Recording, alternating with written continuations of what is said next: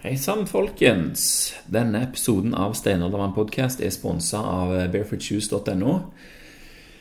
Eh, Det var faktisk jeg som starta den butikken for noen år siden. Men eh, etter hvert så papirmølla ble for stor for eh, min interesse, så har jeg fått noen andre til å ta seg av de daglige gjøremålene. Og Det jeg sitter igjen da, det er en stilling som lar meg f.eks. holde på med denne podkasten. Veldig bra opplegg. Det er noe som jeg liker veldig godt. Det krever en del tid, da, så eh, beklager hvis folk syns det går litt for lang tid mellom episodene. Kanskje dette kommer til å komme seg etter hvert. Men eh, podkasten er jo gratis lasta ned, så da er det viktig å ha noen til å sponse litt. Og derfor så må du høre litt om dette her før vi kommer videre med, med ukens gjest. Eh, hvis du syns du blir for gale, så kan du alltid spole litt. Den friheten er det ingen som kan ta fra deg. Eh, men uansett, på barefootjuice.no så kan du altså få tak i de produktene som jeg syns er gode. Eh, og det var det som var ideen òg for starten av denne nettbutikken. Blant annet så finner du Viban Five Fingers der, og det var liksom det nettbutikken starta med. nå. De gikk ikke an å få tak i Five Fingers i Norge, så da starta jeg den nettbutikken og begynte å selge det der er fremdeles et av mine favorittfottøy. Hvis du ennå ikke har prøvd Firefinger, så er det faktisk på tide. Du trenger ikke bruke det hele tida, men eh, litt innimellom. Hvis du gjør det, så kommer den følelsen garantert til å gi deg eh, mersmak. Og akkurat nå eh, så har vi jo faktisk den modellen som jeg syns er best, Five Fingers KSO, til 399 kroner. Og det er ikke gale. Jeg husker de kosta over 1000 når jeg, når jeg begynte. Eh, hvis du syns det blir litt i overkant med, med, tær og sånne ting, så finnes det massevis av alternativer fra bl.a. Innovate, som er et merke jeg har blitt eh, veldig glad i. Der har de massevis av modeller inne til skikkelig gode priser. Sko som er enten helt flate eller 3 mm dropp, eller litt forskjellig der du kan, eh, du kan plukke i massevis av klær òg hvis du trenger jakke eller shorts eller uh, drikkesekker eller hva som helst. Massevis av CrossFit Reebok klær og sko er òg tilgjengelige. Og så klart Steinaldermann kaffe, som er den kaffen vi har utvikla i samarbeid med Stavanger Kaffebrenneri. Eh, skikkelig god kaffe fra Jürgachev i Etiopia. Mange mener jo at dette er krybben til all kaffen i verden. Eh, vi har òg faktisk testa denne kaffen for myktoksin og andre sopp- og myggvarianter i laboratorium. Og den kom ut med veldig gode resultater. Det var altså ingenting. Eh, og det gjenspeiler jo igjen den kvaliteten som, eh, som kaffe fra Jørgetsjef har. Den er jo grodd eh, høyt i fjellet. Tørt klima. Og da får du òg en veldig fin prosess der som, som gjør at bønnene kommer av veldig god kvalitet. Fair trade er det òg, og økologisk. Jeg varierer mellom å drikke den bare helt svart, eller så hiver de et glass sammen med smør og kokosolje og rister det for å få en sånn jevn, kremaktig konsistens på kaffen. Det er rett og slett min favorittmåte å starte morgenen på. Altså spesielt hvis jeg ikke har tid til å, å spiser frokost. og tar en sånn god kaffe med, med smør og olje i, eller MCT-olje, og holder det gående i ganske mange timer før lunsj uten at jeg trenger å bli altfor full i magen. Um, hvis du skal handle Barefoot Shoes, så bruk eh, rabattkoden Steinaldermann. Da får du 10% rabatt på hele ordren din. Episoden er også sponsa av eh, Paleo Crunch, nettopp kåra som testvinner i eh, Topphelse, et svensk magasin der. Bedre enn både Questbar og Rawbite. Paleo Crunch det, du, det kan du få på barefootjuice.no og en hel rekke med andre forhandlere rundt omkring i landet. Eh, hvis du går inn på paleocrunch.no, så er det en oversikt der over forhandlere. Og hvis du kunne tenkt deg å være på den lista, hvis du har en eh, butikk, nettbutikk eller eh, crossfit-senter eller annen slags virksomhet, så kan du da bare ta kontakt med, med Paleocrunch. Post at paleocrunch.no er mailadressa. Den finner du òg inne på, på paleocrunch.no. Så gå inn der hvis du syns det er interessant. Veldig gode eh, energibarer med bare helt normale mat i, rett og slett genial å ha hvis du, i sekken hvis du plutselig skal bli, bli, sulten. Men det vi skal gjøre nå, vi skal over til å snakke litt med sofagrisen Petter Kielmann. Han skal komme i form i løpet av ett år, og han går inn for dette her virkelig og dokumenterer alt med blodprøver og hele pakken. Og spiser skikkelig mat og trener skikkelig. Og målet er både sixpack og bedre indre helse. Så eh, kos dere med det.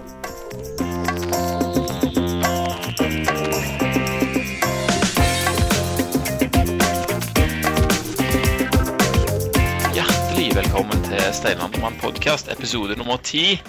Gjest i dag, det er rett og slett en sofagris. Petter Kielmann, velkommen, og tusen takk for at du stiller opp. Og hjertelig takk. Veldig hyggelig at du ville ha meg her også. ja. Eh, jeg har jo sett eh, fått med meg på både Instagram og Facebook at eh, det er noe som skjer. Og dette her er jo sånne ting som appellerer veldig til folk, da, for de som ikke vet hva Sofagris-prosjektet er.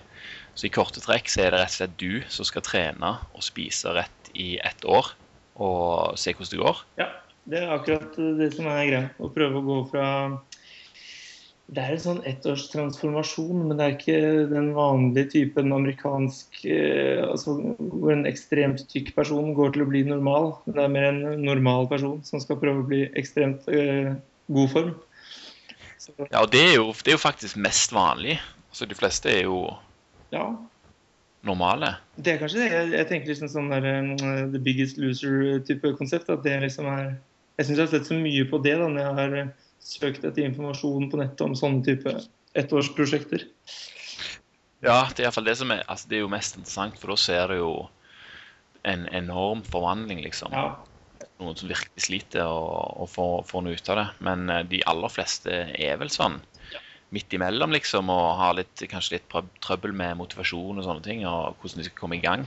Ja, det, det Jeg merker jo det at det er litt det, Tanken er jo, konseptet er å ta Jeg blogger hele tiden underveis om trening og mat og litt sånne ting, og hvert tredje måned så tar jeg da bilder som jeg sammenligner med førbildene. Eh, og jeg har akkurat nå tatt den første tre måneders eh, økten med bilder. og jeg syns vel ikke det var så stor altså Jeg har sett litt, kanskje litt mye på de amerikanske variantene. Det var ikke liksom uh, dag og natt-forskjell. Men uh, jeg, jeg, står, jeg, jeg, ser på de bildene der akkurat nå, ja. og det er jo en del forskjeller. Jo, jo. jo det, er, det, er, liksom uh, Det er samme person, på en måte. ja. Du, du, ser at det har liksom forandra seg litt under huden der. At det er noe som er på gang. At du har bytta litt altså, Man ser jo ikke så godt forskjell på det det å gå fra på en måte eh, si, passive muskler til muskler som faktisk fungerer. Eh, fordi, ja, nettopp. Ja. Så, ja, men det har liksom ikke vært det er ikke et, sånt, det er ikke et slankeprosjekt. Eh, så det, du får ikke den første det, det, letteste er jo på en måte å ha en del kilo til overs som du fort kan kvitte dem med. Ja, ja, altså vise godt, liksom. Mm. Men uh, det kommer seg. altså. Det er veldig morsomt uh, hver morgen. Ikke hver morgen, selvfølgelig, men tre-fire ganger i uka. Komme seg ned tidlig om morgenen og få trent litt. og Hørt på litt uh, beinhard rock klokka sju om morgenen og få i gang dagen. og ja, det føles, det føles bra. altså, men i starten så har det vært en ganske lang prosess med det der å komme inn i maten og legge om fra liksom kunne spise litt hva man vil, og kanskje så trener man en uke, eller så plutselig så trener man ikke på åtte uker. Så det er liksom å få gode rutiner på mat og trening og, og søvn er kanskje vært det verste. Ja, ja, ja. Og det, det, er jo liksom de tingene som Det er jo det som alle sliter med, og som alle egentlig Eller alle og alle, men uh, de som vil uh, ha noen endring. Men uh, hvordan, hvordan bestemte du deg for å ta affære? Nei, det er egentlig Eh, mange grunner til det. Sånn i holdt jeg på å si, ytterste det, det, som på en måte ble utløsende, var at jeg var lei av å ha det lille sexy lubbet. Jeg har på en måte alltid vært veldig aktiv og spilt aktiv håndball i 15 år. og eh, ja, alltid vært glad i å trene og alt det, men det, så er det liksom det siste lille som sitter igjen. Da, så jeg har tenkt sånn, heller, hva skal til for å få sixpack? Jeg har hørt at det er på en måte en, eh, en livsstil. Det er ikke noe du bare får sånn eh, ved å være vanlig godt trent. Du må på en måte virkelig jobbe for det. Ja, nettopp. Jeg, jeg har hørt noen interessante folk som diskuterte akkurat dette her i dag. Og de sa at liksom, de som har sixpack, de som regel fortjener det, for de har jobba for det. Mm. Altså, jeg, merker, jeg merker sånn jeg er i, i Syden om sommeren, altså, da merker man det veldig når du ser de som går forbi. må man liksom anerkjenne at OK, du har faktisk lagt ned en skikkelig innsats over lengre tid. For man vet selv at det er ikke gjort bare en sånn en håndvending. Jeg ser jo det nå også som jeg har på en måte holdt på i tre-fire måneder, at uh, det er en, en type nesten totaldedikasjon som skal til for å gjøre virkelig store forandringer.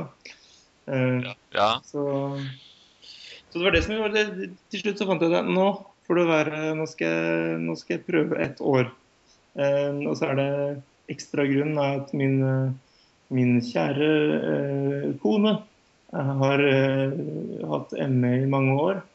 Eh, og prøvd veldig mye og ikke blitt så mye bedre av noe, egentlig.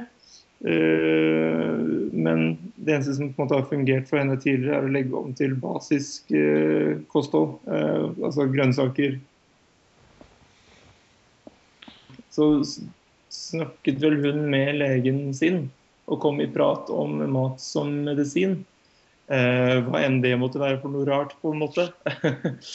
ja. Så ja, så snakket vi litt om det fram og tilbake og, og fant fram litt sånn paleo-informasjon og, og, kom inn litt den veien òg, da.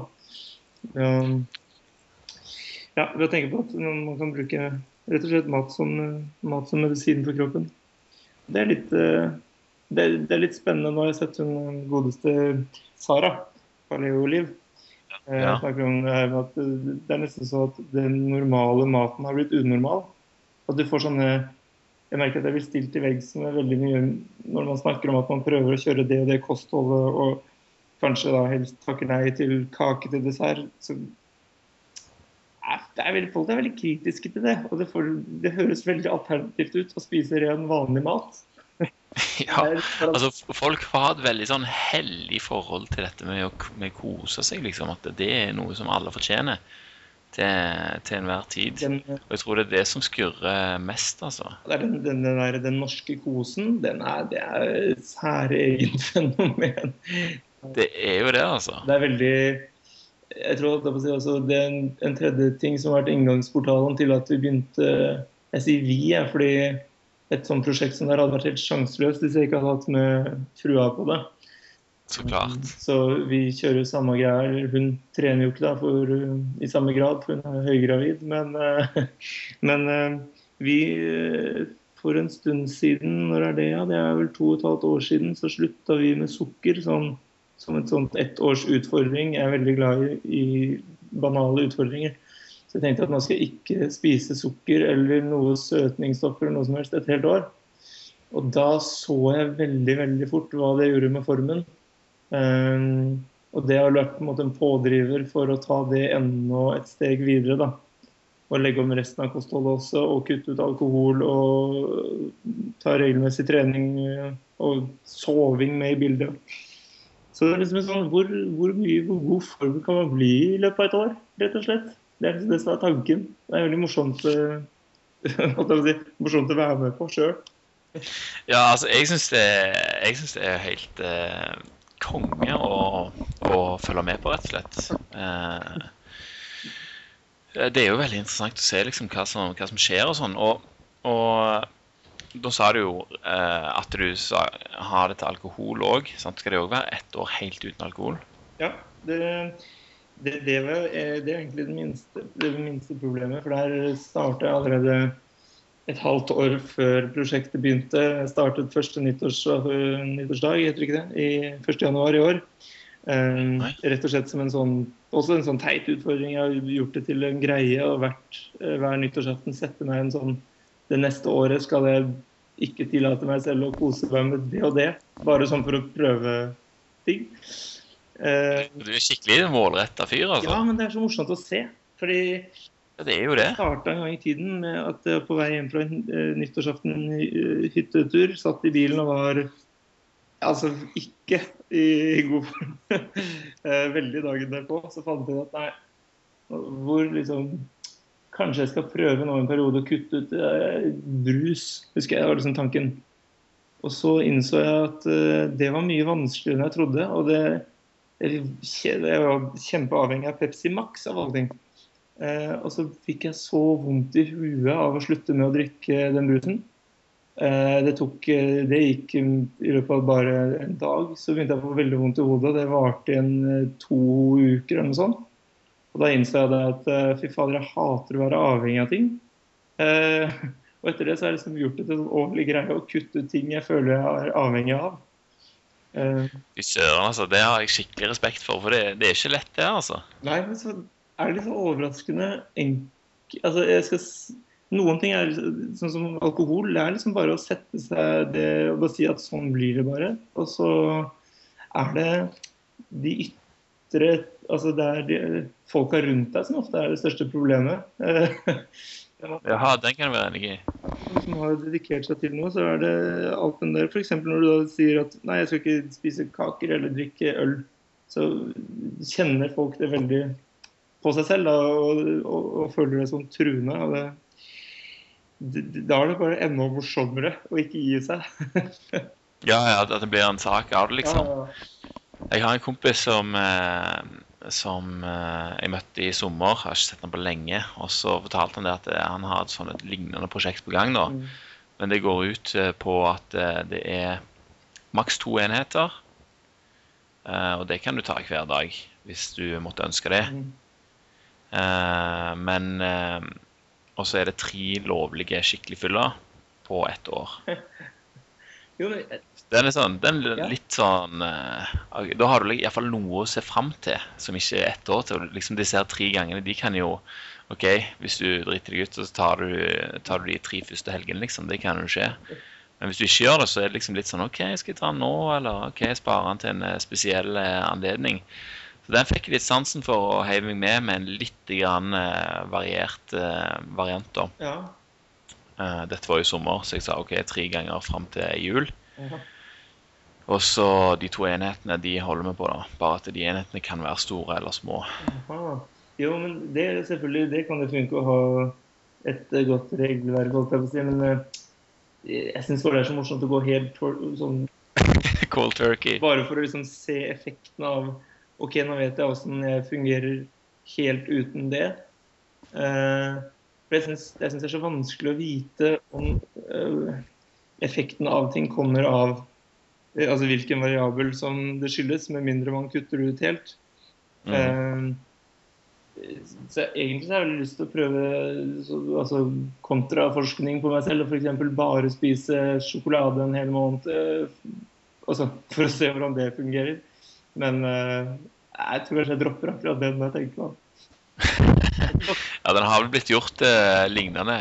Var det ikke ei på Newton på NRK som spiste masse sjokolade? Men det tror jeg var ei uke, da. Ja, ja, men ja. Det syns jeg. Tror det var noe, jeg tror det var noe der. Jeg tenkte også hvis man Det er kanskje min svakhet, da, men hvis jeg lar døra stå oppe, så gjør jeg det mye vanskeligere for meg selv enn å kutte det helt. Så for min del er det lettere å gjennomføre null øl i løpet av et år istedenfor en øl her og der. Samme som jeg har prøvd noen ganger å kutte ut kaffe. For jeg tenker at eh, ja, det er altså en ting du blir avhengig av. Det syns jeg er litt irriterende. Men så får man kutte ut en periode, så går man tilbake til ok, kanskje én kaffe om morgenen. da, Og så plutselig er man tilbake på liksom ja, sette seg opp i kanna om morgenen og bare flaske ut.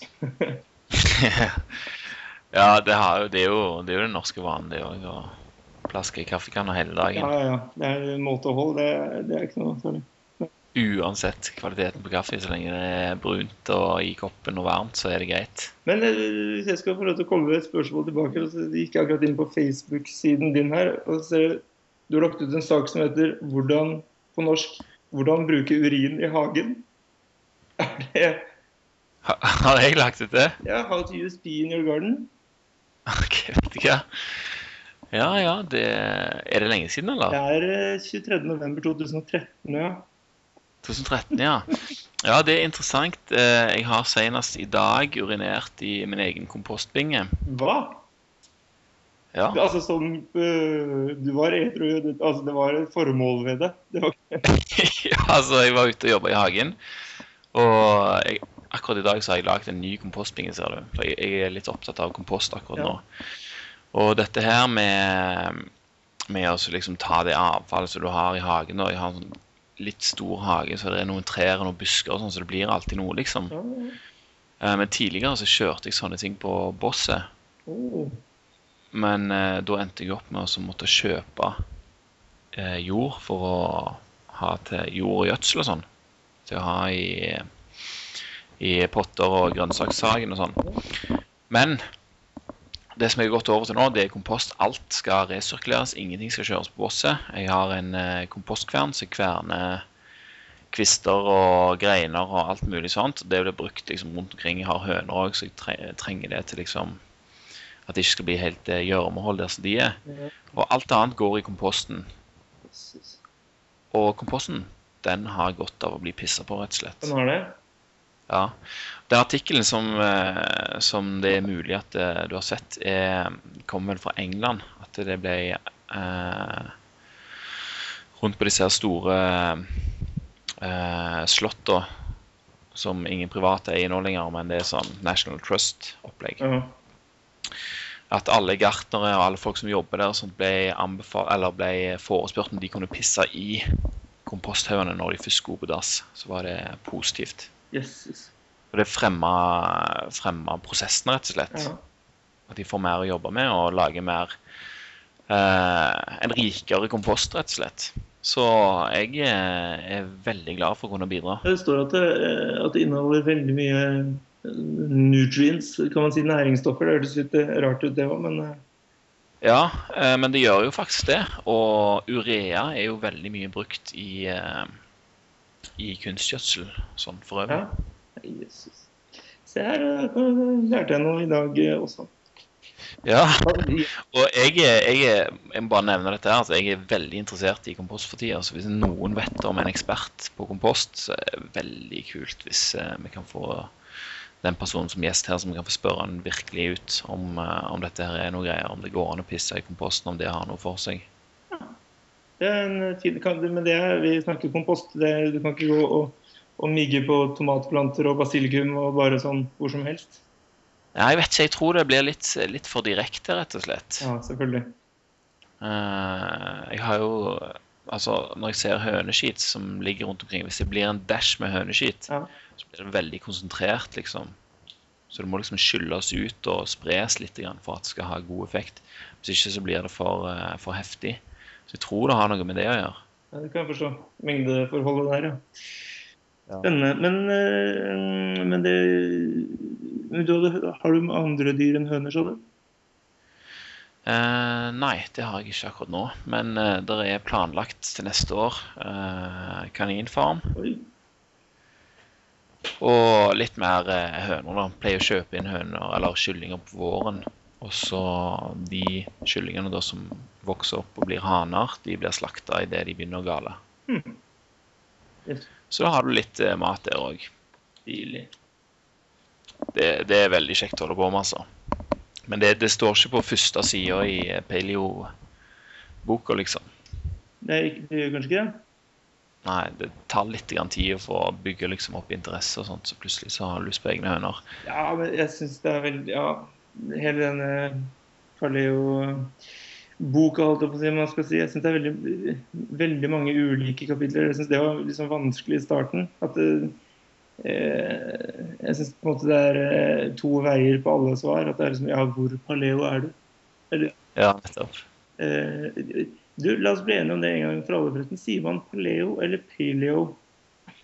Ja, Du vet ikke, altså. Det er om strides de lærde. Ja, de gjør det. Ja, jeg sier paleo, tror jeg. Ja. Paleo av og til. Det kommer gjerne an, litt an på hvem vi snakker med, om, de, om jeg har hørt de si det før.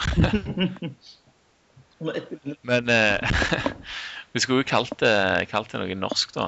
Paleo. Det blir jo norsk, det. Ja, for jeg har merket at det ikke har vært noen stor suksess å, å gå for det her steinalderkostholdtingen. For det syns jeg det, Da får man bare så mye rare spørsmål og kommentarer om at jaha, men i steinalderen så hadde de vel ikke kniver til å kutte kjøttet på samme måte. Mm. Så ja, de hadde ikke mikrobølgeovn da. altså. Det It's frowned upon, ja. som de sier med både, både lavkarbo og steinalderkost er liksom Det er satt i bås, kan du si. Ja, Det er rart, for det er jo liksom naturlig mat. Altså, det er på en måte ikke Det er så rart at det er det folk stusser over, ikke alle piller og pulver, på en måte. Ja, altså det er liksom mest, mest, mulig naturlig mat, og det kan jo ikke være så dårlig. Nei, det, man skulle tro det, men ja. I alle fall ja. så er det eh, akkurat eh, for deg som for meg at det er interessant å finne ut av. Ja, ikke sant, det er det. Og det går litt, så, litt på neste spørsmål. Ja. Eh, når dette året her er omme, liksom, hva skjer da? Ja, det er det som er eh, spørsmålet. Jeg, det er det som er tanken, at det skal eh, ikke ta en sånn tolv ukers greie. For da tenker jeg at da kommer du i ganske fin form, men da rekker du ikke å, å egentlig venne deg til livsstilen. Det blir bare en sånn kortvarig noe man gjør der og da. Så tanken er om at eh, jeg skal holde på med det lenge nok til at det blir min nye livsstil. Eh, at ikke det bare er en sånn Ja, dette gjør jeg nå i tolv uker eh, på spreng. Men at det mer blir en sånn sakte ombaking av hele livet. For, eh, ellers er det bare rett tilbake igjen på samme gamle vanene, tror jeg. Mm. For det tar, merker du at det tar jo lang tid å komme inn i ting. Jeg skulle begynne å trene beinhardt fra første dag, men eh, det tok jo en stund det å bare komme seg liksom inn i tankemønstre. Og når du skal legge om mat, så skjer det jo en del rare ting med kroppen. Og...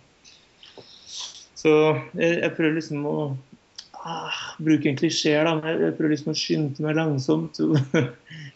Ja. At bake det inn til å bli så naturlig del av, av alt som mulig. Og, men med det også så har jeg jo begynt å legge det på et nivå som passer meg kanskje bedre enn en, en, eh, den optimale hva skal jeg si 100 da. Jeg tenkte jo før jeg begynte at jeg skal trene ti ganger i uka og bare liksom spise brokkoli og kale, liksom. Men eh, jeg merker at hvis man skal holde gående i ett år, og så to år, og så 20, så må jeg også på en måte ha de tingene som, jeg, som fungerer for min del.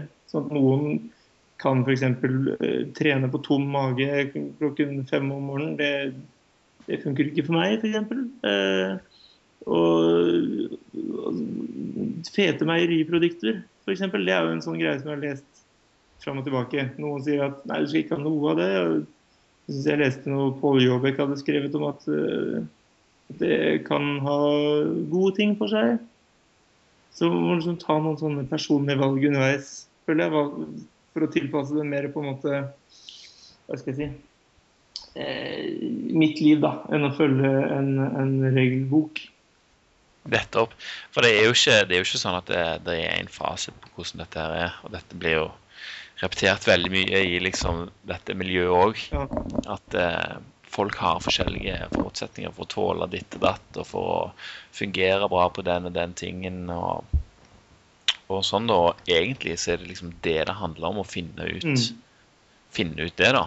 Jeg tror det er veldig lurt å ta den eh, Vi eh, snakket mye med en som eh, har vært en stund i gamet, som det heter. og Starta da med en sånn whole 30-greie hvor vi hadde 30 dager med ja, nesten ingenting. Hvor du ikke tillater noe som helst. Ja, nettopp. Den såkalte Paleo Challenge, eller Whole 30. Nemlig. Bare for å rydde vekk alt annet. Sånn at du bare sitter igjen med skjelettet av et kosthold, og så kan du heller begynne å bygge det ut etter hvert. Og det, det var veldig, veldig fint. Selv om i en sånn fase så er det litt sånn sjokk i starten. altså Man eter jo ingenting. og jeg er jo livredd for å spise vanlig mat, så jeg spiste altfor lite en periode. Men øh, Jeg så, jeg så eh, den aller første posten som du la ut, eller den annet uh, nummer to, eller noe sånt. ja, det var Det var, det var skralt, altså. jeg, jeg, liksom, jeg Men det er sånn det er. Ja, begynnelsen så har du ikke vanen inne, og du har liksom OK, du vet at det og det fungerer. Men nå ser jeg på det nå. To skinkebiter, ei tomat delt i fire, agurkskive, bitte liten paprika og et egg. Ja, det var liksom halv dags uh, Det var helt krise, ass. Og så, men så vil du liksom ikke bryte heller, så, men så jeg, hadde jeg ikke lest meg opp godt nok i forkant heller, for jeg tenkte liksom jeg skal kaste meg ut i det. Og Ja. viljestyrken tar resten, liksom. Men eh, det blei veldig klønete, altså. Så det var noen dager der jeg gikk og var fryktelig sulten. Men det som er så fint da med akkurat det, er at eh, altså fra den tallerkenen som jeg ser på nå, da får jeg liksom, da henter jeg fram inspirasjon. altså Det får jeg lyst til å endre litt på. Ja. Altså Det merker jeg jo når jeg begynte, at det var liksom de samme tingene jeg spiste hele veien. Veldig begrensa. Men jeg kan jo ikke bare gjøre dette hele veien, så du må liksom ut og Eller du blir på en måte interessert i å finne mer næringsrike varer og mer liksom Ja. ting som er tilgjengelig som du kan bruke. da. Merker du at du blir mer interessert i, i emnet? Ja, ikke sant? Altså, det, absolutt. Det er det jeg mener. med Hvis du tar en sånn tolv ukers utfordring, så kan du klare deg med bare de første tre rettene du finner. Ja, på viljestyrken, liksom. Ja. Hvis du sånn, går for et år da, eller tenker litt lengre horisont, så må du på en måte innse at ok, hvis jeg spiser egg og bacon og avokado til hvert måltid nå i ett år, så kommer jeg til å hoppe utfor en bru til slutt. Så her må, liksom, her må jeg faktisk lese meg opp og, og, og se hva som er greit og ikke.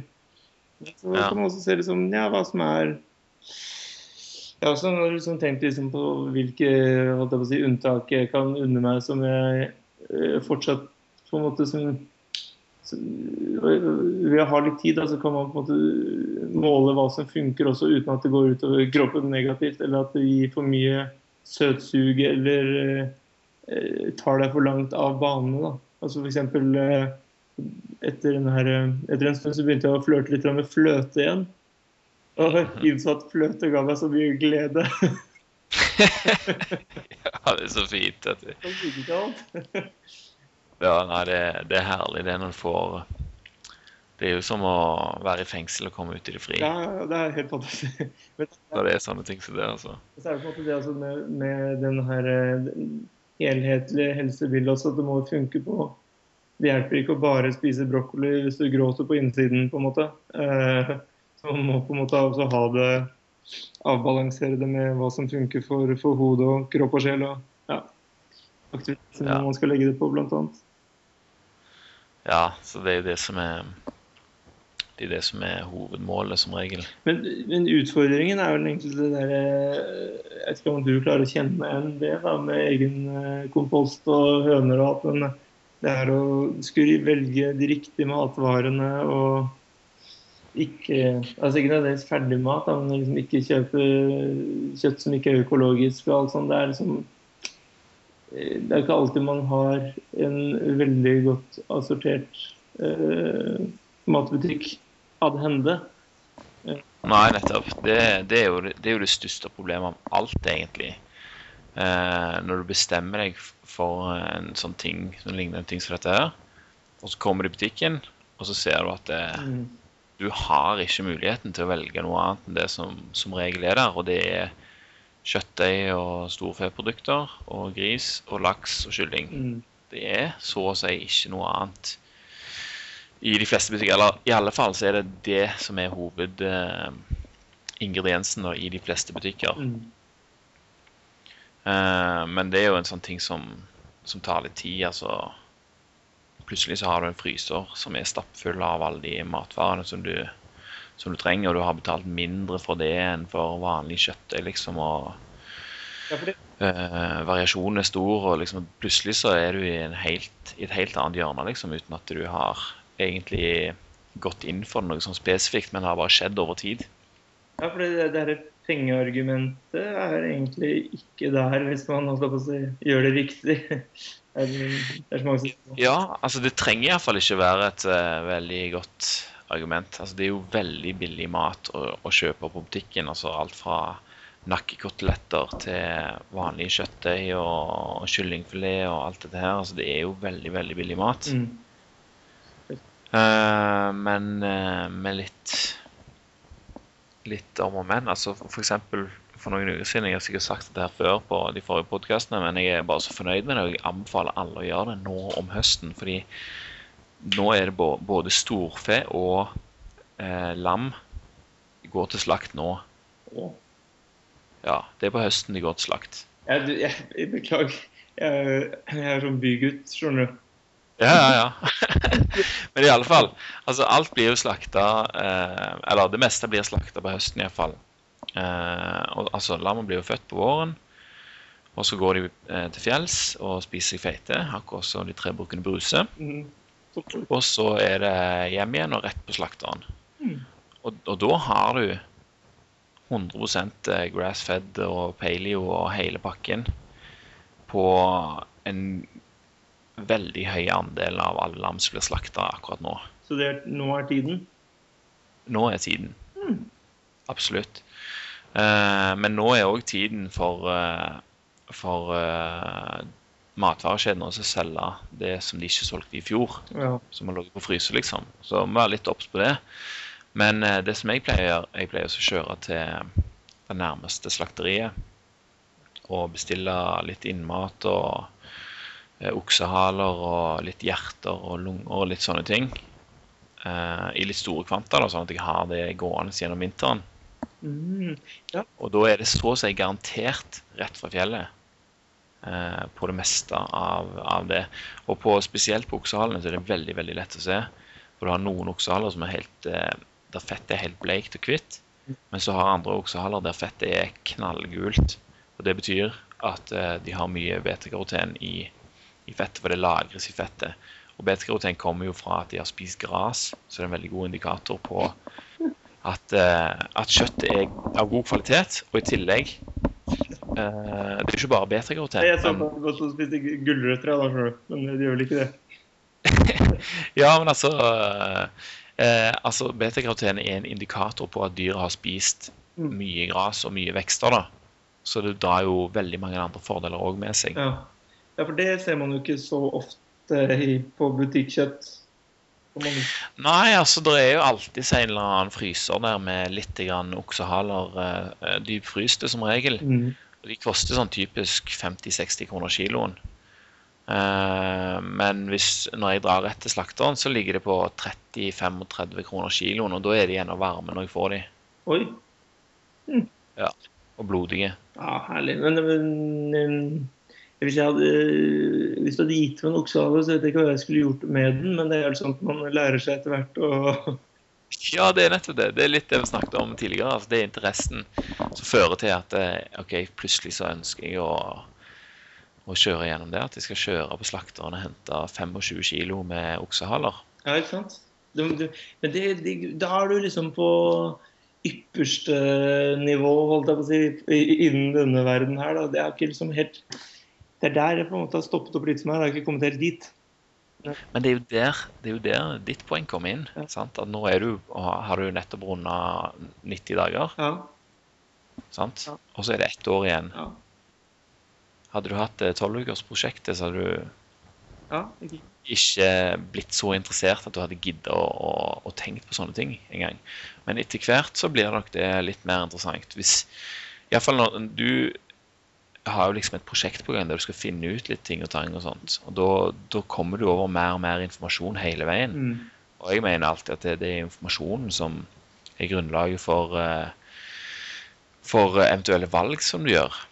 Og det er jo der det ligger, eh, å, å få den bevisstheten til det, så vet man i hvert fall eh, hvorfor Altså hva som skjer og hvorfor holdt jeg på å si, med kroppen. Sånn i etterkant så blir det mer et bevisst valg. og eh, Jeg føler at jeg i mye større grad forstår og kan bestemme nesten hva slags form jeg vil være i. Eh, Mm. Og det er eh, Det krever jo faktisk en del, det òg. Ikke bare for, for veldig mange så går man jo bare og spiser det man spiser og gjør det man gjør, og så er, blir kroppen deretter. Men ved å på en måte dypdykke litt i hvorfor det er sånn, så får man jo muligheten til å, å påvirke sitt eh, eget liv litt mer bevisst. Mm. Ja, det ble kvasifilosofisk. Ja, ok. Ja, men det må være litt sånn av og til. Altså. Det, det må det nesten være, altså.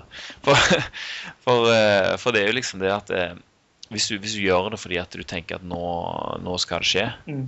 eller hvis du har liksom sett noe eller lest et eller annet så du begynner å lure på, og så blir blir du nyfiken og sjekker dette her opp og liksom Å ja, det er sånn, ja. Det går an å gjøre på den, den måten.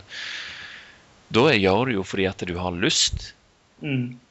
Ikke fordi at du har eh, noe på gang, liksom, som er uh, At du har satt liksom 'Dette skal jeg gjøre, og nå skal jeg Ja, eh, dag eh, 90, liksom, eller dag 120 skal jeg kjøre på slakteren og få tak i ditt og datt. Men det blir gjerne et resultat av at du faktisk er interessert i det, og at du ser en, en løsning på, på det som tidligere var et problem, da, som f.eks. her første tallerkenen med veldig eh, veldig skralt utvalg og litt trist uh, tallerken. Ja, det er litt sånn at øh, veien blir til uh, etter hvert, på en måte. Og Det er litt interessant også. Men jeg må ta meg litt i nakken på det der, og så komme meg til en slakter og ta, ta den, liksom, den helt ytterste varianten av det. Og ikke bare gå i frysedisken. Ja, jeg husker jo første gang jeg kjøpte lever. Eh, jeg var så glad, for jeg fant lever på, på Ops. Og tenkte nå For jeg hadde lest at lever var liksom the shit. da. Mhm. Veldig sunt og masse jern og bla, bla, bla. Og så lagde jeg levergryter, og det smakte Jeg var, jeg var skikkelig skuffa, liksom. Kona mi bare siktet på meg og ga meg det blikket. For det, det var ikke godt i det hele tatt. Eh, og nå ser jeg jo at du har fått ei liste over matvarer som du skal teste, som er liksom går for å være sunne, da. Hvordan går det med altså, å lære seg sjøl å, å like ting fordi de er sunne? Nei, det, altså den lista der, den eh, Jeg angrer veldig på at jeg Det kan jeg forstå. hadde utfordret eh, leserne da til å, å komme med forslag til ting jeg skulle spise. ja, kreative forslag. Veldig, veldig mye kreativt. Eh, Nå har jeg aldri vært noe spesielt glad i fisk. Jeg begynte egentlig bare nylig å spise det sånn eh, for noen år siden. Så mm, makrell i tomat spist, smakte jeg jo altså første gang for to uker siden. Eh, eh, alle de tingene som jeg nå da bare på dritt har sagt at eh, ja, gi meg en utfordring, så skal jeg spise det. De må jo på en måte gjennom, de òg. Jeg merker at jeg kommer til å utsette det i det lengste. Eventuelt så vurderer jeg bare å droppe alle, med unntak av å bare gå for den verste. Eh, For da føler jeg at den trumfer alt annet. Og det er jo selvfølgelig surstrømming. Surstrømming, ja. Ja, det er noe for seg. Ja, jeg har, sett, eh, jeg har bare sett videoene og hørt at det ikke er lov til å frakte det med fly pga. eksplosjonsfare. Så ja. Vi snakker fermentert der, altså. Ja. Men, eh, men har du tenkt på altså sånn, Én ting er å spise. Jeg, var i denne situasjonen. Jeg kjenner meg veldig igjen. Jeg tenkte at eh, det er på tide at jeg begynner å like sardiner. Mm. Og det er på tide at jeg begynner å like makrell og tomat. Eh, først begynte det med sardiner, da. For det, det tenkte jeg at det var virkelig Det er jo virkelig godt for deg. Ja. Det er hele fisken, og det er feit og god, og ja, de er der. Men det som jeg fant ut var veldig mye lettere, det var også å blande det med rødbeter, f.eks. Rødbeter og majones. ja. Da ble det plutselig spiselig. Hvis jeg skulle spist bare sardiner eller bare makrell i tomat, hadde jeg eh, slitt lenge, altså. Jo, men det, det, det, er, det er på en måte underholdningsverdien i det da. Og så tenker jeg at den er Ja. juks også. Og, altså selvfølgelig, Hvis man skal spise det for å spise det, så er det selvfølgelig om å gjøre det best mulig. Men ved å på en måte, hvis jeg skal virkelig få smaken av noe, så blir det jo helt feil også å pakke det inn i alt. Eh, Ja, men, eh, men, men jeg tenker litt mer på det langsiktige. liksom, Ja, Hvis dette ja, er en ting at ok, det kan jeg ha i mitt, eh, mitt eh, repertoar, holdt jeg på å si. ja, sånn sett, å, gjøre- å, å, å Liksom. prøve, ja, selvfølgelig. Eh, litt sånn som eh, ja, all mat, egentlig. Du må få det inn i den naturlige settingen, så du bare får 5% av smaken. Så kommer det seg Ja, etter hvert. litt, som å, å shotte øl mens du holder deg for nesen, sånn som noen av eh, mine ungdomsvenninner gjorde. Ja, vi har jo alle vært der.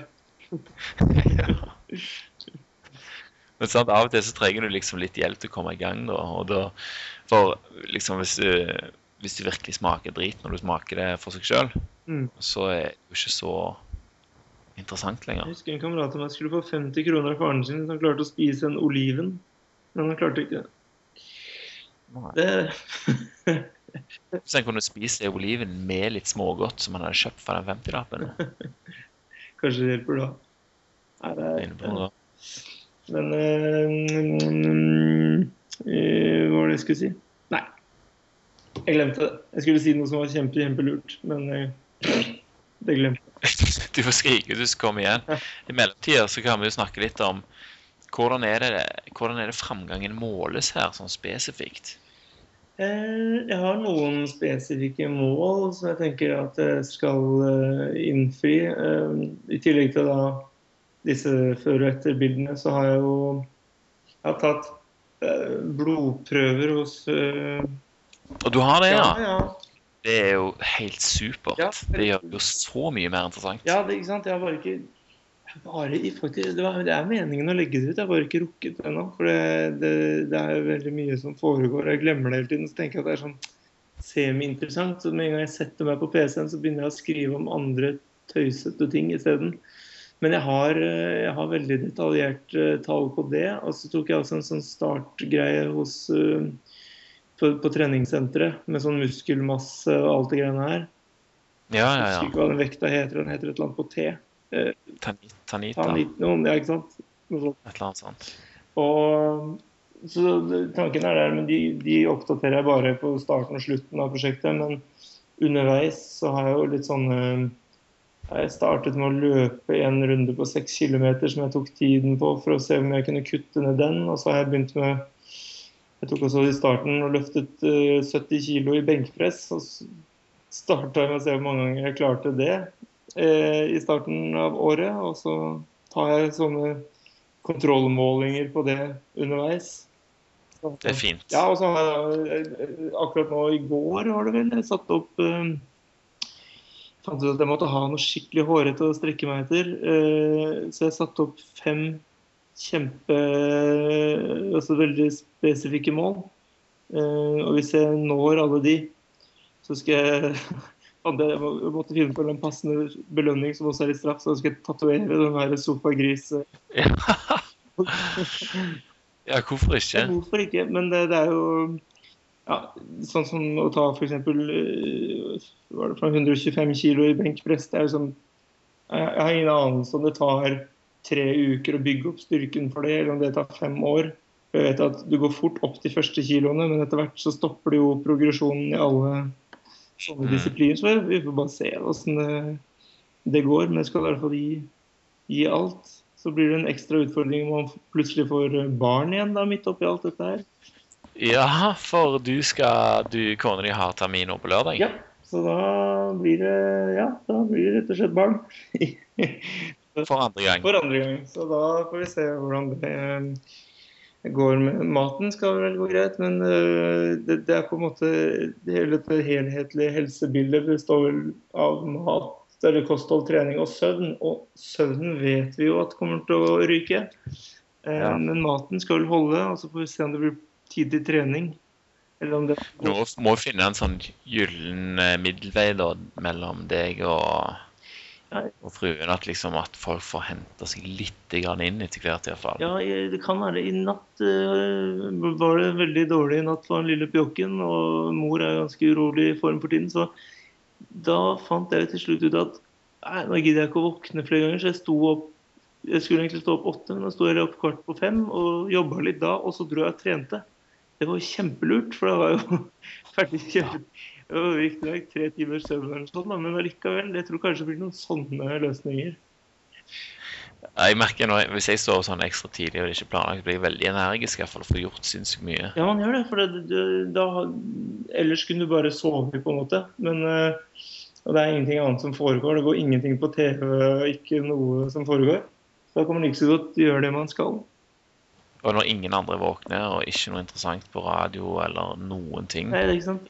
Ingen skal ha tak i dem på telefonen eller Facebook, da er det Det er det, det som er gull, eh, egentlig. Ja. Sånn er det på første time på jobb også, før liksom, sånn mandagsmøte. Det er da man får, virkelig får gjort noe.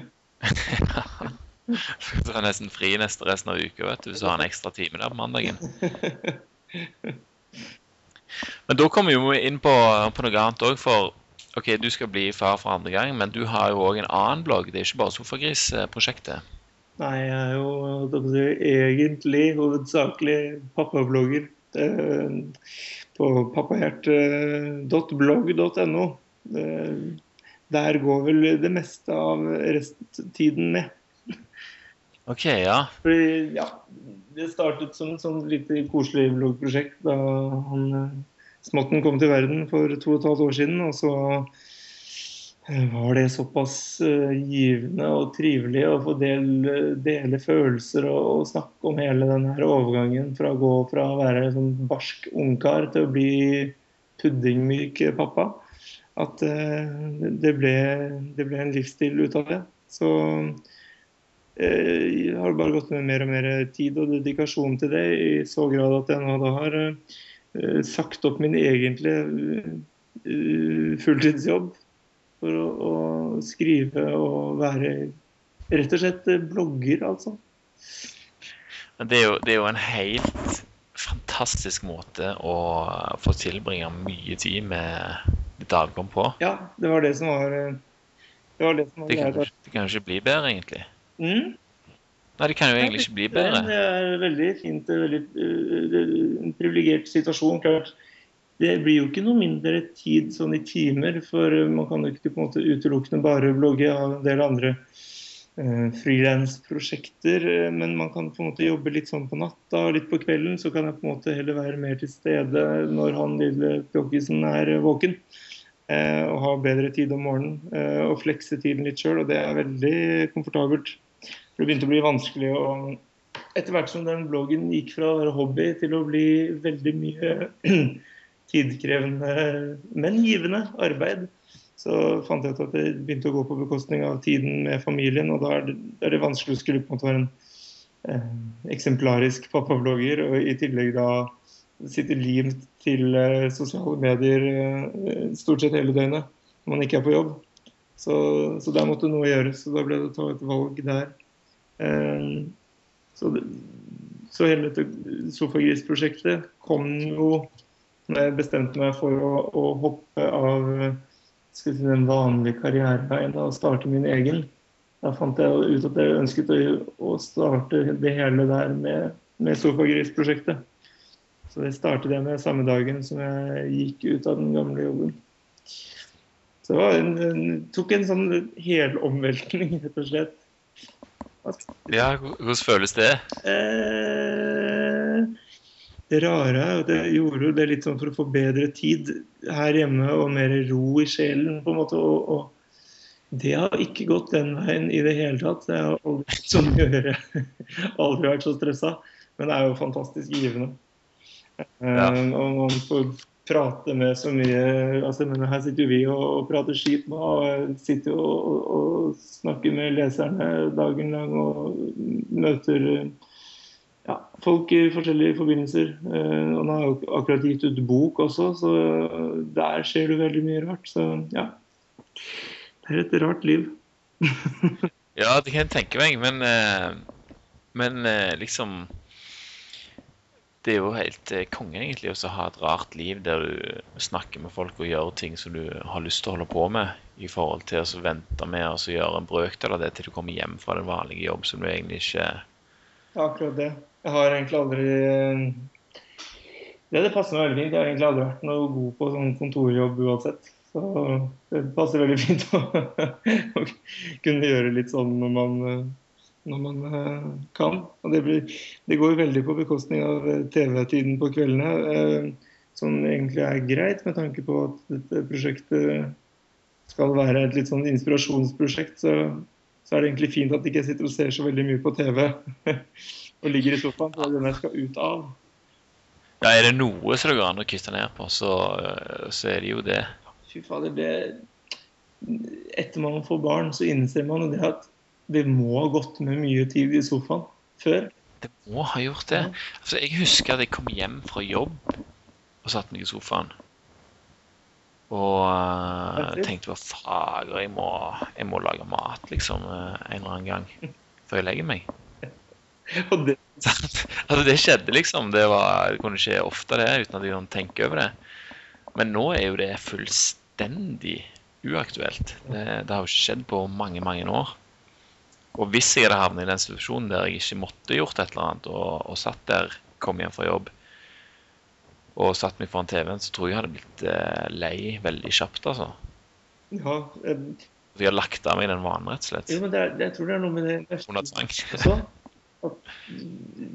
Det er liksom det som har vært inspirasjonen også. Å få opp det energinivået med å gjøre riktige valg på kostholds- og treningsfronten. øh, Til å ikke på en måte måtte deise ned i sofaen når man kommer hjem fra jobb og bare ligge der.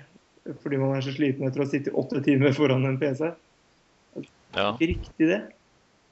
Nei, det er jo ikke det. Det skal ikke være sånn. Men, men eh, altså Misforstå meg rett, jeg setter fortsatt veldig pris på en, en episode av Masterchef, f.eks. Men uh, sånn, det er ikke den derre du kommer fra altså, Du deiser Trenger ikke ha tre på rad, Nei, ikke liksom. sant? Og så sitter du i to timer og så blir Å nei, jeg må lage mat.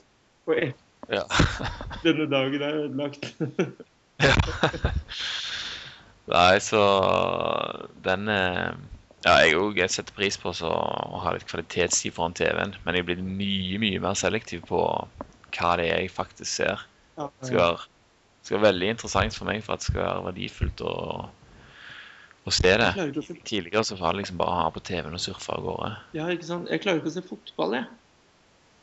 Åh, da er vi to, altså. Ja, så bra. Jeg, jeg tok en råsjanse, men jeg følte at eh, jeg liksom ikke Det går for sakte, altså. Ja, altså Jeg sier det ofte til kona mi. Liksom Hvis vi skal finne på noe sånt, eller et eller annet Jeg husker her en dag en sak som vi skal ikke heller bare ta Å, se, Norge spiller mot eh, jeg vet ikke, et eller annet i kveld. Vi skal ikke se det, da. Og så prøvde jeg å si det på en sånn måte at, det hørtes ut som jeg mente liksom, men det, det var jo bare en spøk. Jeg kom aldri, tror jeg nesten, til å se en fotballkamp på TV. Nei, jeg kan se sånn type VM-kamper litt grann sånn eh, Det var det jeg jo sa før forrige VM. Men jeg klarte ikke å se noen fotballkamper. Kanskje ikke en hel, når du sier det. Jeg, har- jeg har funnet ut, skjønner du, at jeg har gjort litt research her. eh, de gangene jeg har vært med folk på kamp fordi man har fått gratisbilletter, sånn, så har jeg funnet ut at innen 14 minutter så sjekker jeg alltid klokka og tenker å herregud, så lenge det er igjen. ja, til pause.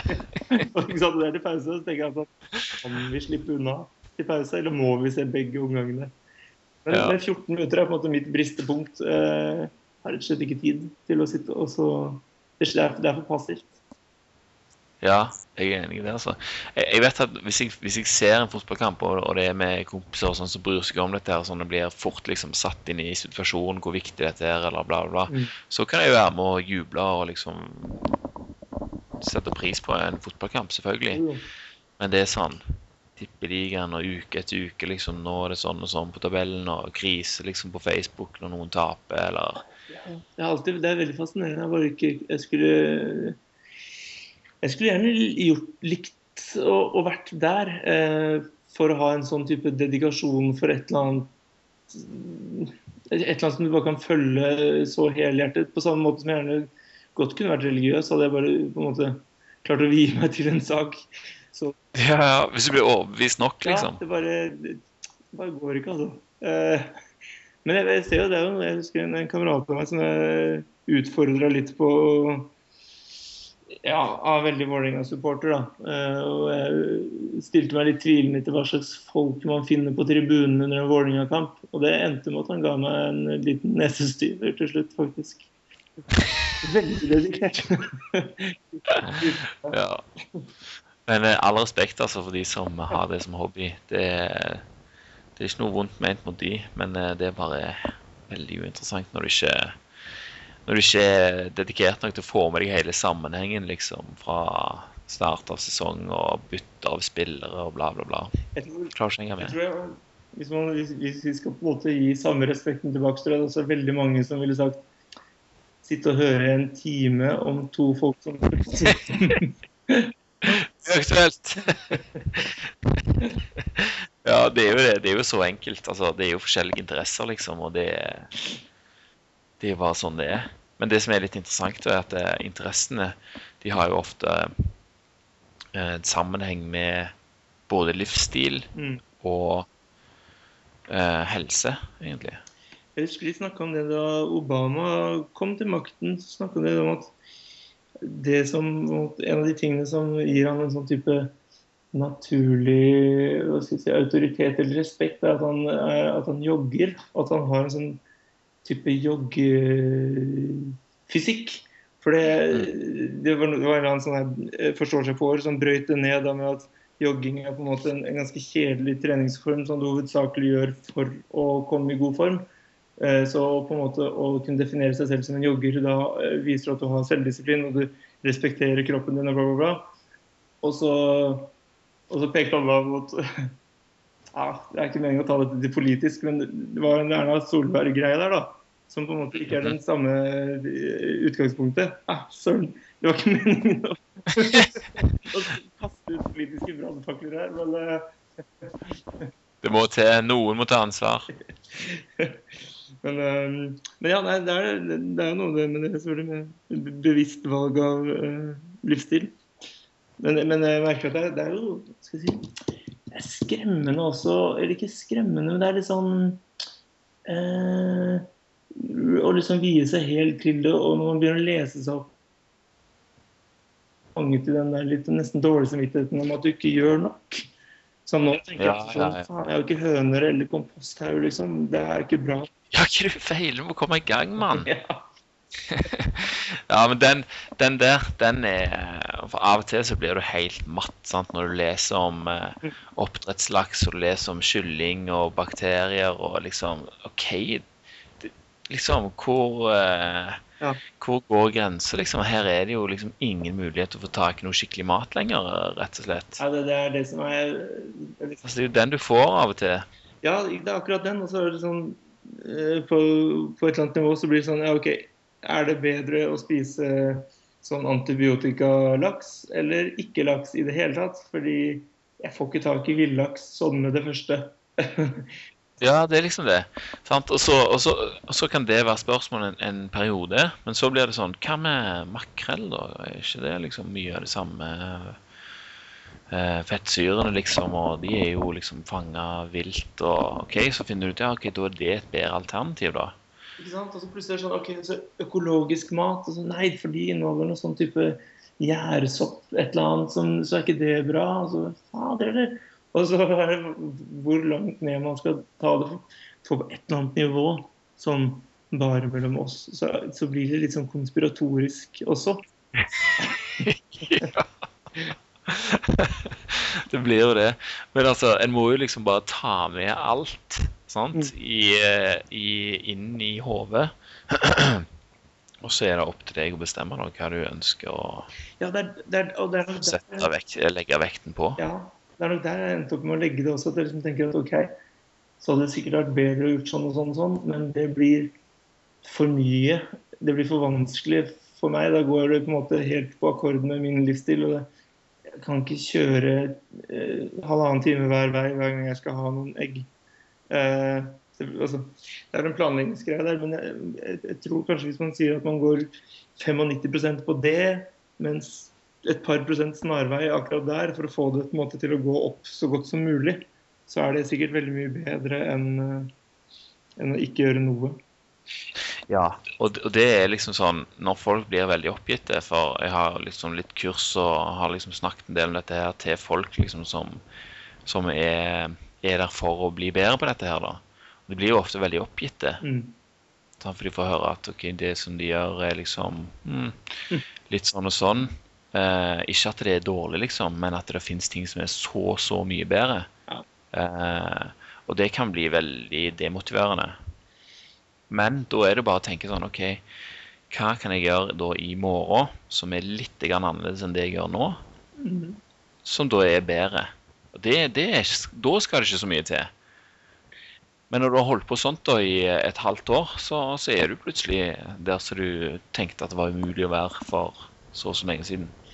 Ja, det er helt sant. Og det, det, er nok også en av de tingene som plutselig blir litt tatt på senga underveis. At man tenker liksom sånn Og det er også litt av greia med å ikke gjøre det til et tolvukersprosjekt, som jeg nå virker som jeg er veldig motstander av det. men men ved å strekke det ut litt lenger, så vil man se om er dette meg, eller er dette bare et kortvarig Du kan, altså jeg mener, du kan gjøre ganske mye rart en veldig kort periode.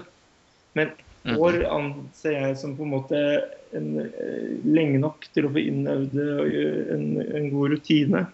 Som det var f.eks. Jeg ble litt overraska når jeg så at jeg selv hadde lagt ut bilde av meg selv i tights på Instagram. For plutselig var det hm, jeg har blitt en sånn fyr som trener i tights klokken syv om morgenen. Og så tenkte jeg liksom at ja, jeg, har, jeg har gjort det en liten stund, og kanskje det er liksom blitt en del av meg. Det er på en måte ikke bare en sånn kortvarig greie. Ja, ja, ja. ja det, det er så sinnssykt bra poeng.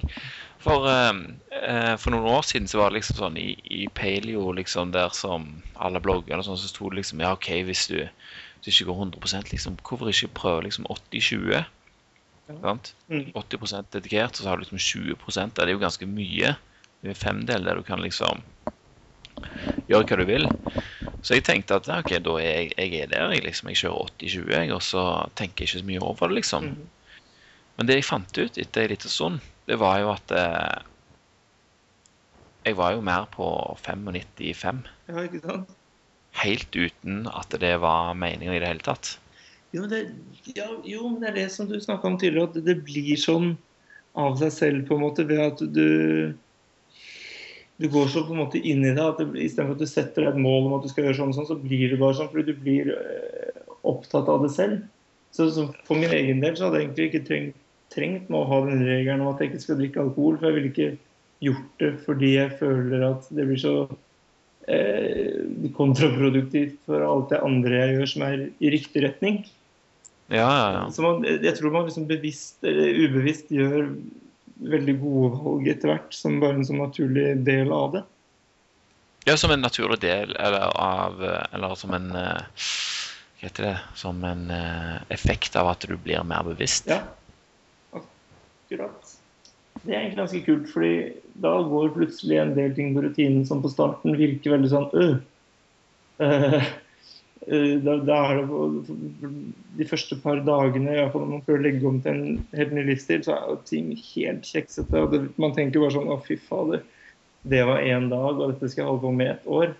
Men så er det en del som du sier, av de tingene som man i starten tenkte veldig mye over, de er på en måte bare sånn Ja, ja, det, det er sånn Det er de enkle tingene. Så jobber man hele tiden mot stadige forbedringer. Så, eh, så ja.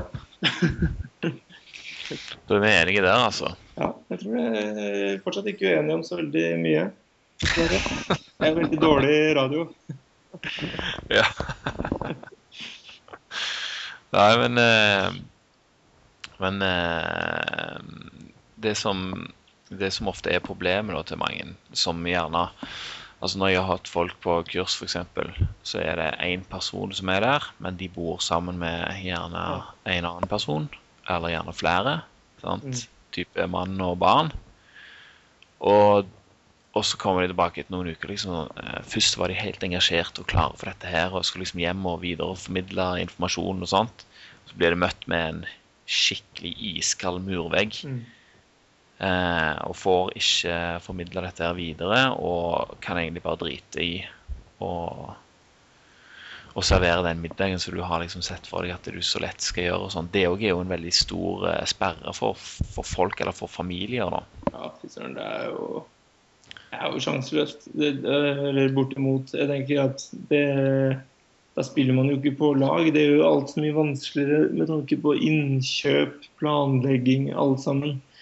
Og det gjør det så mye lettere å For det er jo altså det, Selvfølgelig er det vanskeligere å holde på hvis den ene sitter og momser potetgull og cola når du sitter der sjøl og liksom skal gnage gulrøtter, på en måte. Det, det, det er jo ingenting som er bedre enn god gammeldags eh, laginnsats. Ja, sant. Eh, men der, der er det mange som faller av, eh, faller av lasset, altså. Og det, det er jækla synd. Jeg skulle ønske vi hadde funnet en måte å liksom garantert alle som hadde motivasjon for å gjøre en endring med seg sjøl, at den ble eh, automatisk overført til ektefelle eller samboer. Mhm. Da hadde mye vært gjort, altså. Ja, men det er liksom det, Du må på en måte Du kan ikke ønske det for andre. De må på en måte ta det valget selv også. Så det, ja, det, men det er, liksom, det er jo mye lettere å ikke legge om og bare fortsette i samme gamle tralten. Så kan man heller se på noen andre og se de gode resultatene etter hvert og tenke at uff, jeg skulle gjerne vært der òg, men jeg orker liksom ikke å ta det valget. Men eh, jeg vet ikke hvorfor, men jeg bare kom på eh, en gang i tiden da jeg slutta å røyke, men kjæresten min gjorde ikke det. Det gjorde jeg òg en gang. Fy søren, altså. så dårlig stil, da. Oh. Det er litt samme greia. Det blir litt sånn Nei, det funker kanskje for deg, men det funker rett og slett ikke for meg. ja.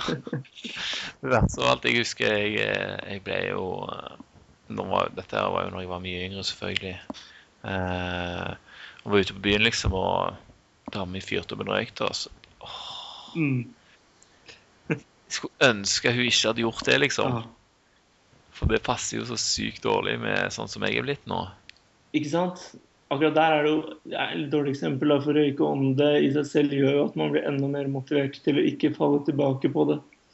Men, Ja. men det, det er jo folk som skriver til meg på bloggen også, som er fortvila fordi hovedproblemet deres er bamsemums, da er det sjokolade. Og så er det det kjæresten sitter og gomser hver kveld og sier at nei, han er fornøyd med egen kropp, så han gidder ikke å legge om. Ja, altså. Ja, men det Altså, jeg kan jo godt fullføre eh, historien, da, for det var jo ikke mange dagene før uh, hun faktisk slutta sjøl, hun òg. Ja. Yes. Så da, eh, da var det jo greit. Ja. Da var vi jo begge veldig fornøyde.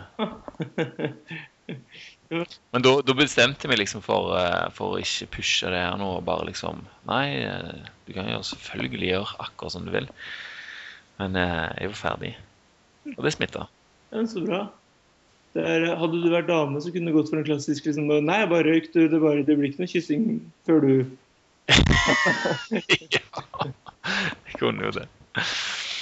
Ja, da blir det jo en helt annen situasjon, selvfølgelig. Nei, det er sjanseløst. Jeg tror det er mye lettere sånn øh, den veien. Eh, Men røyking er jo én ting òg, for de vet jo, alle vet jo at det er eh, dårlig for lunger og dårlig for kondis og dårlig for ditt og datt. Mens mat er liksom Det er så veldig diskutert hva som er bra, og hva som er dårlig, så det går egentlig ikke an å tro på, på noen ting. nei. Og, og det er liksom den holdningen veldig mange har, at du kan ikke tro på noen ting. Derfor så fortsetter jeg bare med det jeg holder på med. Men da finner du heller aldri ut om det har noe virkning, det som eh, du eventuelt kunne ha testa, da. Ikke sant? Og det er det som er tanken også, øh, for min del, å se sånn, hvordan de forskjellige tingene øh, reagerer. Altså, drømmeprosjektet mitt ville egentlig vært å, å være såpass disiplinert at jeg kunne spist bare altså nøyaktig samme mat hver dag en, over en lengre periode, og så liksom tilsette og trekke fra spesifikke ting. Mm. Så du bare, Nøyaktig finne ut liksom hva du og brokkoli hver dag da, i tre måneder, så legger du til melkesjokolade i 14 dager, så ser du åssen det går. Så, ja, Plutselig så tåler ikke brokkoli. nei, det er sant, det. Nei, det er sant. Jeg hadde, det var en periode jeg gikk på sånn ketolysediett. Altså den ekstremvarianten av lavkarbo. Ha Ja. null, null karbo. Eh, som da var liksom egg og bacon, egg og bacon, baconcrisp, bare smør eh, uten på en måte å få veid det opp med noe karbohydrater eller noe som var litt eh, Ja. Det ble litt sånn ekstremt. Så etter det så tror jeg ikke jeg spiste egg på fem år eller noe sånt. Det var helt krise. Ja, det, det er sånn det blir. Jeg har hatt eh, pause nå på avokado. Har jeg hatt pause i hele vinter. Ja, jeg kjenner at eh, mm. Og det er sånn Når man det, det er liksom alle, alle prosjekter har faser. sånn I starten så er man veldig gira, så blir man på en måte litt sånn tilbakelent, og så blir man litt utfordrende. og alt det her, og Akkurat nå så er jeg litt sånn i en ut, jeg er litt sånn rebelsk når på matfronten, så akkurat nå så er det veldig dårlig Instagram-tid. For det er veldig mye bilder av avokado, bacon og egg. Ja. Jeg har ikke sånn kjempelyst på det, og jeg har heller ikke lyst til å på en måte gjøre det en del av min hverdag sånn hele tiden. Nei, men det, det blir jo fastfooden, det, liksom. Ja, ikke sant? Det er det som du har, eh, har alltid som regel liggende. Det som du kan lage kjapt, og som du vet gir deg det du skal ha, liksom uten å bruke for mye fantasi og, og tid på å behandle og alt det der. Så det er liksom sånn Du må ha liksom noen basis eh, Ja, det, det er, basisgreier som du vet funker, liksom, men som gjerne ikke ok, det er gjerne ikke det smaker det beste, liksom. nei, men det, ikke sant? Det, det sånn som sånn skinketallerkenen som du så der, er jo I starten så har man jo ikke peiling på sånne ting, så det hjelper veldig når man kommer til et par sånne For da har du liksom OK, jeg veit at i hvert fall hvis jeg ikke kommer på noe annet, så kan jeg i hvert fall ta egg og bacon eller egg og en hamburger og noe sånt kjøttgreier. Men jeg, må la, jeg må finne på noe annet også, ellers så kommer jeg til å kaste opp etter hvert. Ja. Jeg, jeg, kan fortelle om en som jeg har eh, henta fram igjen fra gamle dager. Ja. Eh, det, det er noe som jeg bare kaller for egg og tomat, for det er det det er i utgangspunktet. Ja. Eh, jeg spiste det eh, Det var i Kina faktisk jeg lærte meg det. Da, da steiker de tomat i eh, smør eller fett av noe slag. I eh, liksom et minutt eller to. Mm. Og så bare cracker de opp i så mange egg som du vil ha. Og så rører du dette her rundt med litt salt og enda mer eh, smør. Og da har du egentlig en, en grei rett som er lagd på tre minutter. Så du steker tomat i smøret først, og så kitter du oppi egg og litt salt og pepper og smør, og så er du good? Ja, da er du good. Det er den kjappeste varianten. Hvis du vil dra den her ut, så kan du f.eks. hakke opp litt løk, og så har du i det i ett minutt før tomatene. Ja. Sant? Eller litt kål sant? to minutter før tomatene. Og så kan du liksom, eh, alt etter hvor mye tid du har nå, så kan du utvide den retten der til å inneholde de mest fantastiske ingredienser. Eh, men i utgangspunktet så er liksom egg og tomat, kjapt gjort, smaker greit og gjør jobben liksom du blir mett og god. Ja, det, men det er jo liksom der Jeg har jo på en måte litt samme, bare at jeg bruker bare en vanlig sånn løk og egg-omelett. Men du har sånn som du sier at du kan lage den superenkel, men så kan du bygge den ut etter hvert, og så plutselig så begynner man å bli sånn fancy. Altså. Plutselig så er det lørdagskveld, liksom, og du har uh, opp med sopp og alt mulig, liksom. Men eh, det, det er godt å ha noen sånne basisgreier. som Mm. du kommer inn liksom og sier nå må jeg spise liksom ganske kjapt. Og så er det selvfølgelig ingenting i brødskuffen, for brød har du ikke spist på gud vet hvor lenge. Men du har liksom litt andre ting som du må forholde deg til. da. Og Da er det greit å ha liksom noen kjappe ting som du vet bare kan klemme på plass, og som gjør jobben. For det er jo ofte det? Altså, som, som det sto i den første posten din, at eh, nå skal jeg spise, liksom. Og så ah, Pokker, det er jo ingenting her. Og så er du misfornøyd med måltidets ende. Men Når du snakker om det med brød, det er eh, som nordmann, altså, det er kanskje det vanskeligste sånn Nå høres det helt rart ut å si at det er vanskelig å kutte brød, men det er så bakt inn i rutinen. og det, det er så lett og allsidig. på en måte. Du kan bare kitte hva som helst på en brødskive, så har du, så har du frokost. Ja. Og så er det frokostbiten av det. da, som er liksom, Om morgenen så er det litt ekstra tiltak å skulle begynne å steke ting og styre årene, men, eh, men eh, fy fader, så fort man venner seg av Eller så fort man innser at fy fader, vent litt nå, vi blir jo ikke sånn slapp, slitenmette som vi ble før. Da begynner man å, å Da begynner det å bli lettere å si ha det til en del av disse melkildene, syns jeg. Ja, det kommer motivasjonen for å, å fyre fram stekepanna om morgenen likevel. Det, det gjør det, men det, det, er litt sånn vanskelig den første perioden her når du på en måte ikke du vet ikke helt om det kommer noen resultater eller hva det kommer av det. Men så plutselig innser man at nei, er ikke, det, nå føler jeg meg faktisk litt frisk og rask. Og i starten så Nå spiste jeg kanskje litt for lite, men jeg, jeg har aldri prøvd å slanke meg. Men jeg gikk jo ned en, en god Jeg gikk ned noen kilo i starten. Eh, bare ved å på en måte bytte matvarer. Og det var absolutt ikke noe mål om å slanke meg heller. Eh, Snarere tvert imot. Jeg prøver å få i meg masse fett, sånn at jeg skal klare å trene uten å svime av.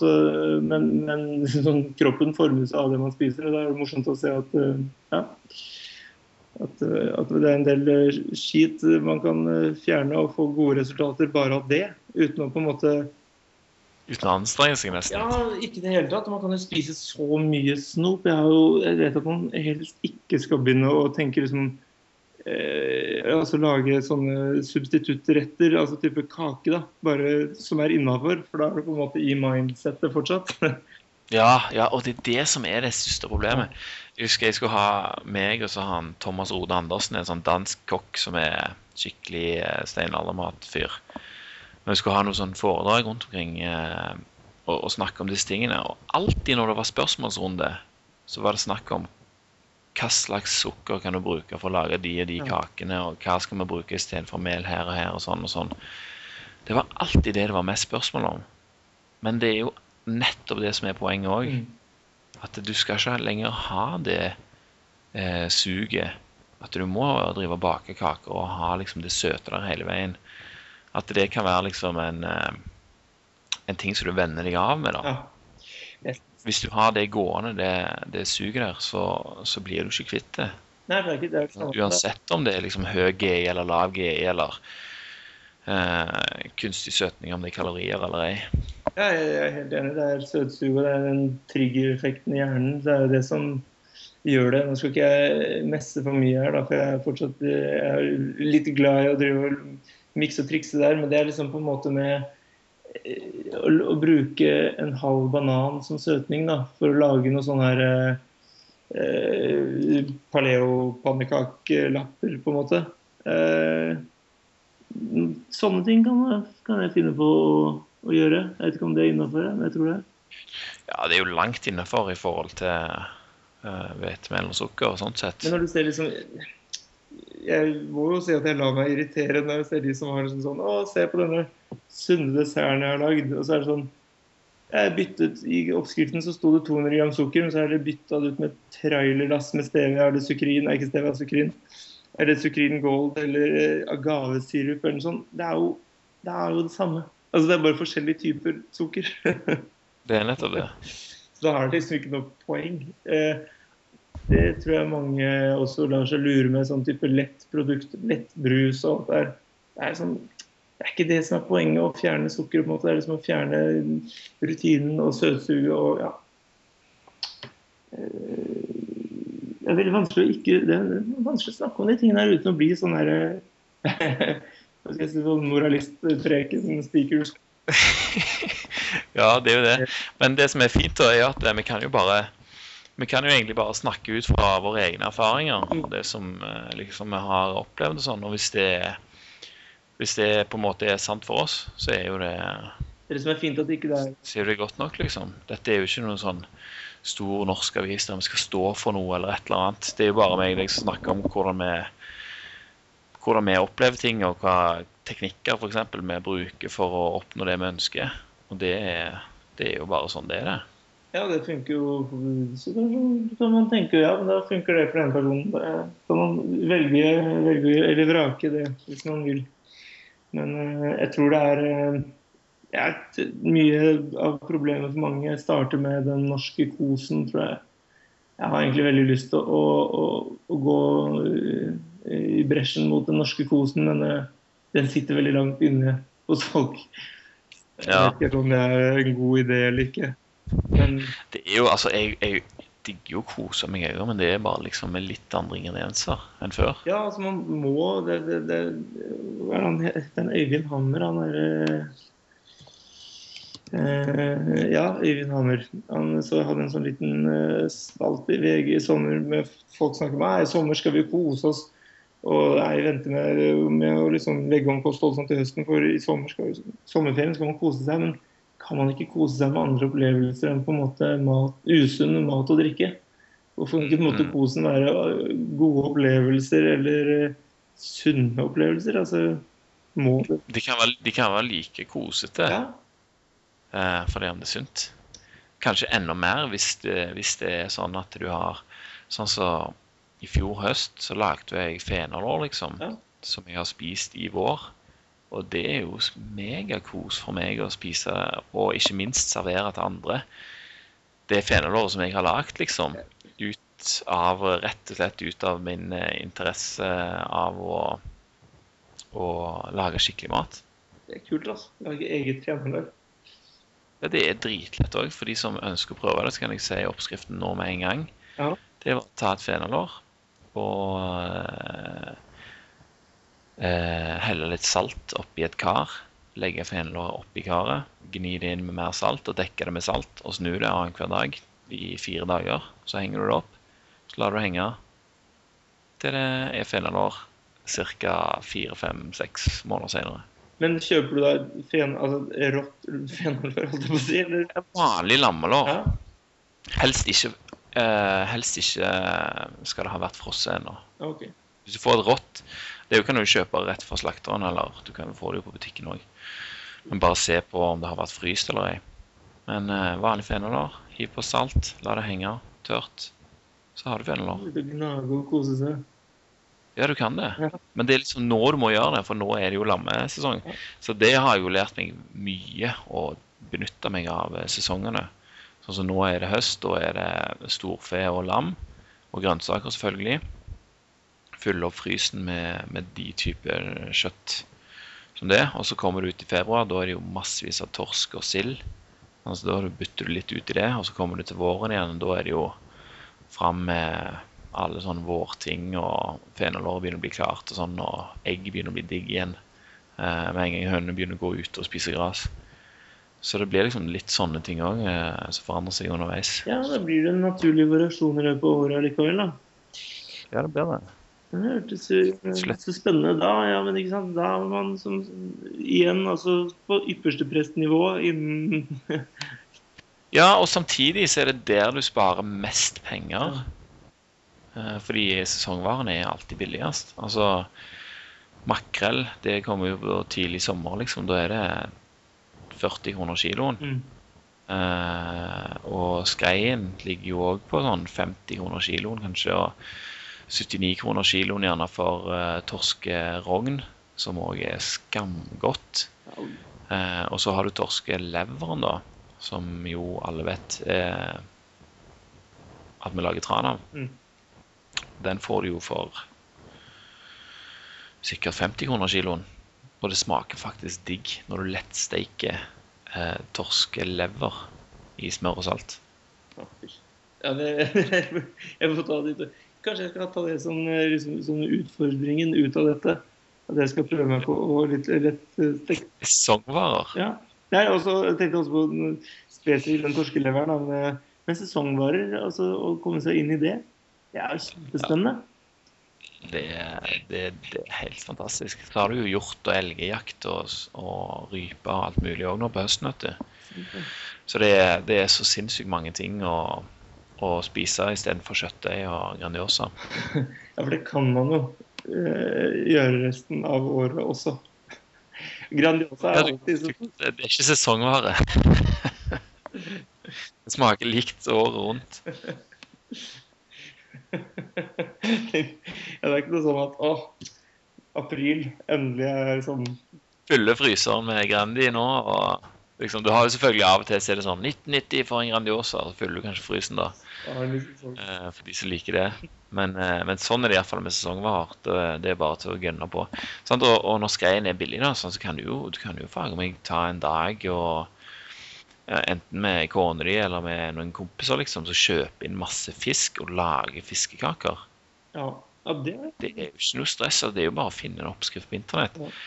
Eh, og når du har oppskriften, og du har kompisene, eh, og du har råvaren, Mm. og det tar bare én dag, så har du lagd kanskje 50 middager.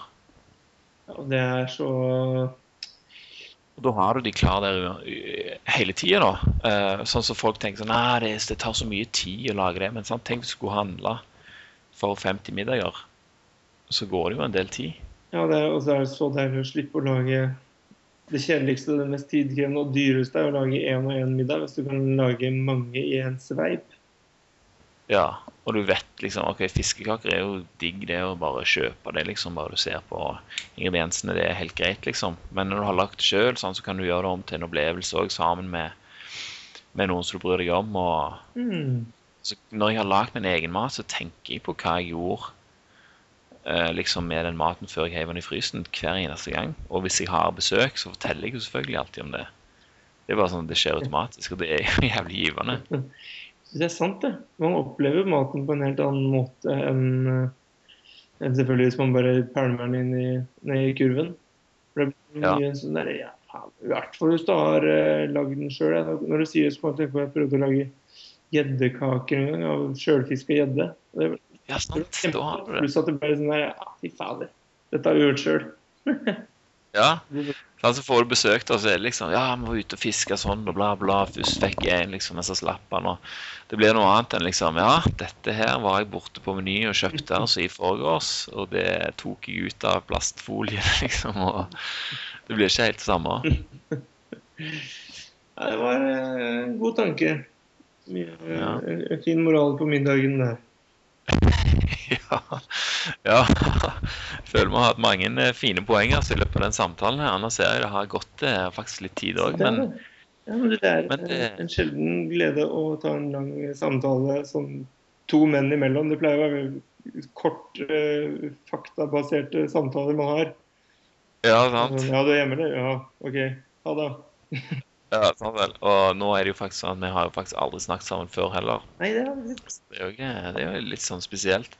Men det, det det jeg syns er det aller, aller kjekkeste med å ha en sånn podkast, det er at uh, det kommer som regel veldig mye godt fram. Ja, det er sant, det. Ja, det altså, får vi anta, da. Nå skal ikke vi foregripe. Etter mitt eget skjønn, iallfall. uh, det får jo eh, lytterne da være uh, dømme om det er bra eller dårlig, dette her. Men eh, vi har jo hatt en del nedlastinger på den podkasten så jeg tror folk er interessert i temaet, iallfall. Ja, det er veldig Og eh, Det er mange som er bevisste på uh, egen helse og ønsker å ta, ta bevisste valg. Men kanskje det, det er jo mye, det er mye informasjon for å komme i gang òg, da. Så man eh, Ja, iallfall for min del så mye jeg ønsket å lære òg, så det er jo fint å kunne liksom høre på andre prate litt og sånn. Mm, ja. Ja, ja, litt Altså, det er jo bare andre folk sine erfaringer, rett og slett. Eh, men det som er litt spesielt med dette her, da, er at du faktisk har liksom gått inn for dette her og skal eh, liksom notere ned hva som skjer hele veien og sånn. Så det, det blir jo sinnssykt interessant å, å følge med på. Spesielt dette her med blodprøver og sånne ting. ja, det er. For det, for det er ofte liksom det argumentet sånn Ja, men hvordan er liksom med kolesterol og bla, bla, bla. For kona mi tok en blodprøve nå i vår. Ja. Og den viste helt fantastiske verdier på absolutt alt, Ja. inkludert kalsium, som blir liksom veldig sånn Ja. Da drikker du ikke melk liksom, eller ost, hvor får du kalsium fra da? Ja. Men det går, det går bra likevel. Det, det er veldig kjekt å få liksom, det konstatert, liksom. Ikke bare at liksom, ja, det står her at det, det, er sånn, men du kan liksom ikke bevise det på deg sjøl. det- blir spennende å se. Ja, det, det, det, det synes jeg også folk kan liksom peke til det, så slipper jeg å måtte ha argumentene selv.